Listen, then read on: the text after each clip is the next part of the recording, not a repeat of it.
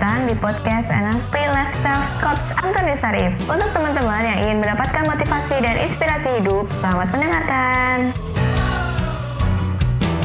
Halo teman-teman, salam. Yes, kita jumpa lagi bersama saya dengan Coach Antoni Sarif. Hari ini kita akan bicara mengenai apakah itu? Kita akan bicara mengenai NLP, eh, influence dan persuasion. Nah, apa artinya influence dan persuasion? Influence adalah teknik bagaimana mempengaruhi orang lain supaya orang lain tertarik sama Anda dan juga mempengaruhi mereka sehingga mereka bisa uh, Anda bisa melakukan apa pun baik mereka mau beli sama Anda atau jualan atau apa pun Anda bisa lakukan. So, halo halo, hai hai hai, terima kasih yang hadir, terima kasih. Wow, kita happy. Mohon maaf saya hari ini tadi agak telat sekitar 10 menit. Kenapa? Karena saya tadi barusan dapat email dari Inggris dari jadi ada salah satu perusahaan dari Inggris, perusahaan uh, pelatihan di Inggris konteks saya dia meminta saya untuk memberikan schedule di mana saya punya waktu untuk mengajar gitu ya, untuk saya mengajar di salah satu perusahaan internasional di eh, Indonesia. Nah, jadi mohon maaf banget jadi agak telat eh, 10 menit ya, tapi nggak apa-apa. Saya akan berikan hari ini sharing sampai jam 13 lewat 10. 13 lewat 10. Nah, mungkin buat teman-teman yang bertanya, Coach, besok kita belajar jam berapa? Besok kita akan belajar jam 5 lewat 15 ya. Besok kita akan belajar jam 5 lewat 15. Ya kebetulan memang uh, terima kasih atas pujiannya. Kebetulan uh, saya di, uh, sudah lama menjadi uh, faculty member, fakultas jadi istilahnya member fakultasnya mereka untuk mengajar materi-materi tersebut dan materinya materi dari Inggris itu konsultannya yang punya adalah uh, dari Neil Rackham yang menciptakan teknik spin selling. Jadi kebetulan memang kami sudah pernah bantu perusahaan itu sekitar 2 tahun 3 tahun yang lalu. Kami bantu dapat project dari mereka. Nah kali ini mereka minta saya sharing lagi. Jadi mohon maaf tadi jadi agak telat. Tapi nggak apa-apa ya. Hari ini kita siap belajar. Siap belajar sampai jam 1 lewat 10. Nanti kita akan sharing.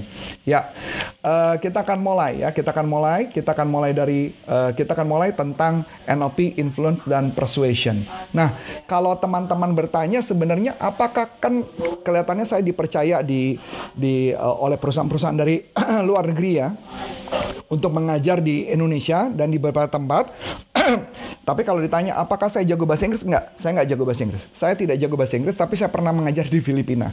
Saya pernah ngajar di Filipina, saya pernah ngajar di Malaysia. Dan karena bahasa Inggris saya nggak gitu bagus, yang penting saya ngasih contoh, sharing, kemudian diskusi dan sebagainya. Walaupun memang beberapa dari mereka berkerut keningnya langsung berkerut gitu ya. Terus mereka kadang-kadang bercanda ngomong, we think we are lost in translation. Saya langsung jawab, yes you are gitu ya. Ya kamu bakal ya lost translation karena saya juga nggak jago bahasa Inggris. Jadi, tapi saya berusaha untuk mengajar dengan lebih baik ya, walaupun memang uh, saya lebih uh, lebih senang kalau sharing sesuatu pakai bahasa Indonesia, informasinya akan lebih banyak ya. Beda kalau cuma presentasi dong bisa, tapi kalau selling kan kadang-kadang berbicara tentang skill, berbicara tentang pengalaman, bicara tentang sharing dan sebagainya ya. Yuk kita mulai. Uh, hari ini total semua slide 85 slide. Kita nggak tahu apakah kita bisa selesaikan hari ini apa enggak. Halo, halo. Panggil gue jangan, panggil saya jangan Om Sarif. Nama saya Arif.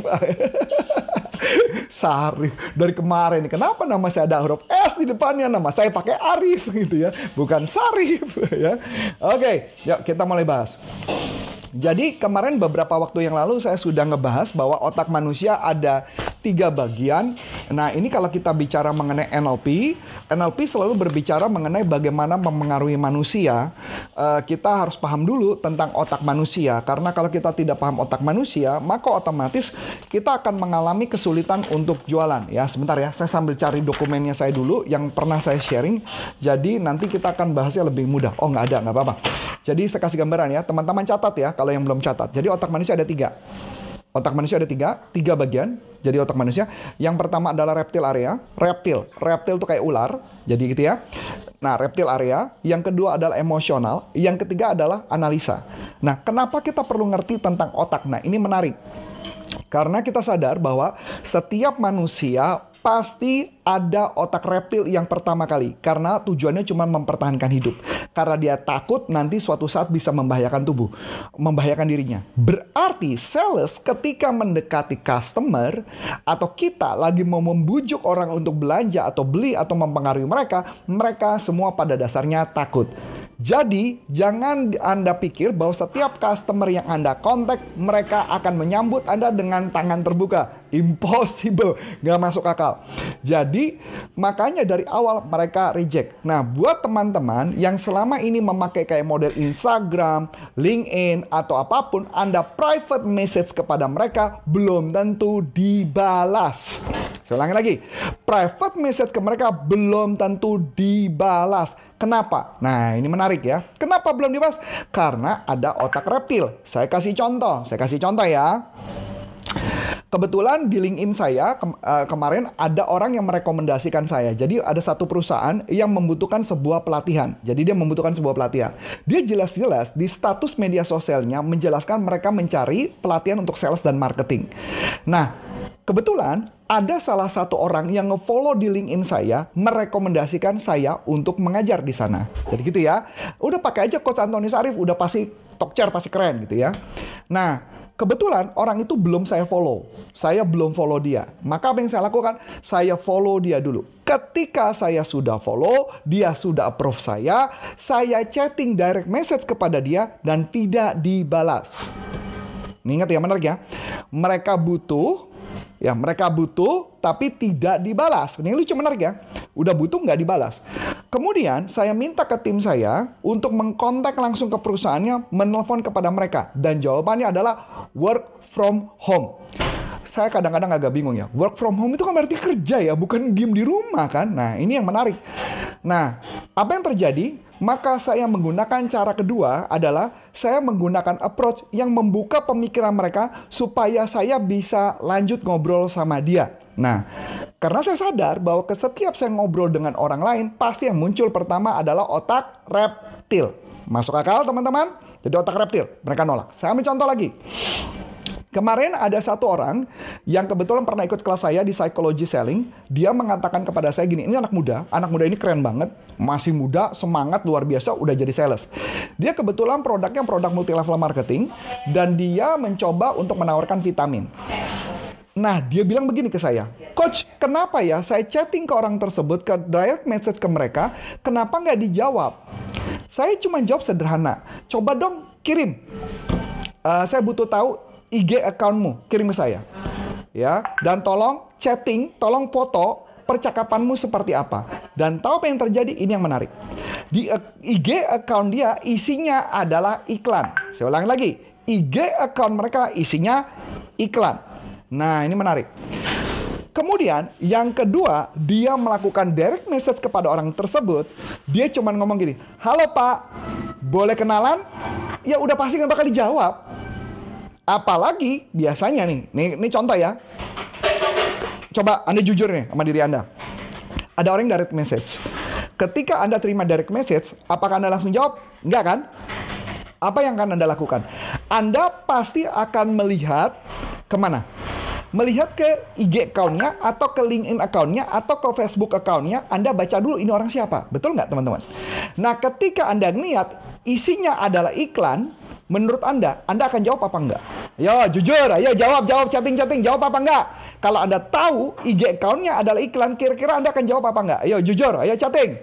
Biar kita diskusi nih ya.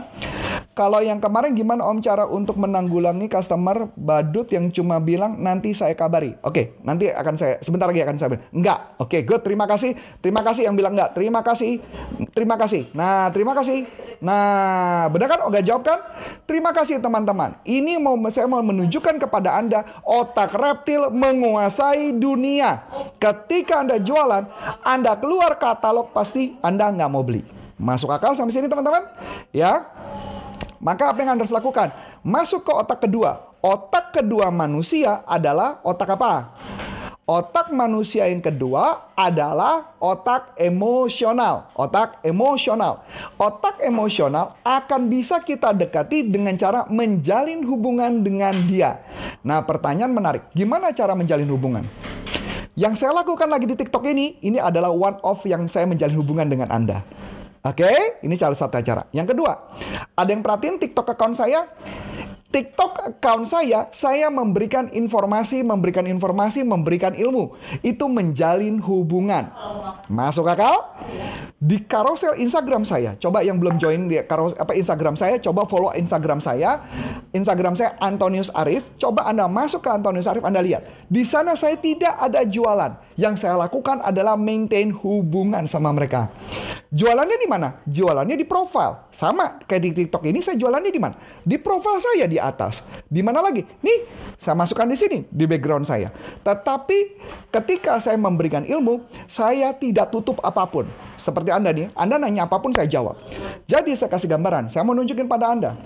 Ini, nah Anda lihat ya, mudah-mudahan komputer kelihatan. Nah, eh, sebentar nggak kelihatan. Oh nggak kelihatan ya, nggak kelihatan ya. Nah ini ya, jadi nggak kelihatan dengan jelas karena ada background. Saya kasih tahu ya, ini benar-benar saya sharing kepada Anda pakai komputer ini. Ini benar-benar materi yang saya jual, yang harga perharinya training saya adalah 40 juta rupiah. Dan ini saya sharingkan untuk Anda. Menarik nggak? Jadi saya benar-benar memberikan sesuatu kepada Anda. Nah, Kenapa? Karena saya sadar ketika memberikan sesuatu saya rugi nggak? Enggak, saya nggak rugi apa-apa kok. Saya tidak rugi apa-apa. Pertanyaan menarik, kalau Anda merasa manfaat, anda merasa ilmu saya bermanfaat, bisa dipakai buat jualan. Kira-kira terjalin hubungan nggak? Terjalin hubungan. Kalau terjalin hubungan, pertanyaan, suatu saat Anda kalau sudah punya uang, kira-kira mau ikut pelatihan saya nggak? Pasti ikut. Nah itu yang nggak dikatakan bahwa otak kedua adalah emosional. Yang menarik kedua. Yang ketiga adalah analisa. Analisa adalah otak di mana yang orang akan berpikir, aduh, ini gue kayaknya produk, aku udah tertarik beli, tapi aku compare sama orang lain. Di compare. Nah, saya ambil contoh, misalkan contoh, saya ada anggaplah ada pelatihan pelatihannya sama pelatihannya tentang motivasi berkaitan selling. Misalkan contoh ya, ini saya contoh aja ya. Misalkan contoh, ini sales winning attitude tentang motivasi. Pelatihan saya adalah 250 ribu, pelatihannya besok hari Sabtu. Pertanyaan saya yang menarik. Kalau Anda nggak kenal sama saya, saya ulangi lagi ya, Anda tidak kenal sama saya, kita nggak jalin hubungan yang baik, ini kan jalin hubungan ya. Kemudian Anda merasa butuh motivasi. Saya ulangi lagi, Anda merasa butuh motivasi. Kira-kira anda akan compare saya apa enggak dengan orang lain? Selang lagi, Anda kira-kira akan compare saya nggak dengan orang lain? Ayo jujur jawab, ayo chatting, chatting, chatting, jawab. Kalau Anda nggak kenal saya, Anda akan compare nggak saya dengan orang lain? Silakan dijawab.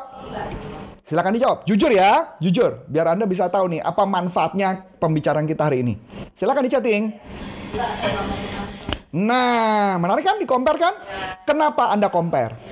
Karena terima kasih, terima kasih, terima kasih. Semoga ini berguna ya. Kenapa di? Karena Anda nggak percaya sama saya, maka Anda compare. Kalau Anda percaya sama saya, apa pun yang saya omongin tentang pelatihan ini, kalau Anda ada duit, Anda beli nggak? Ayo jujur, pasti beli kan? Nah ini yang mau saya kasih gambaran pada Anda Anda semua bahwa otak manusia ada tiga tersebut, Anda harus masuk di otak kedua bukan adalah Anda di compare.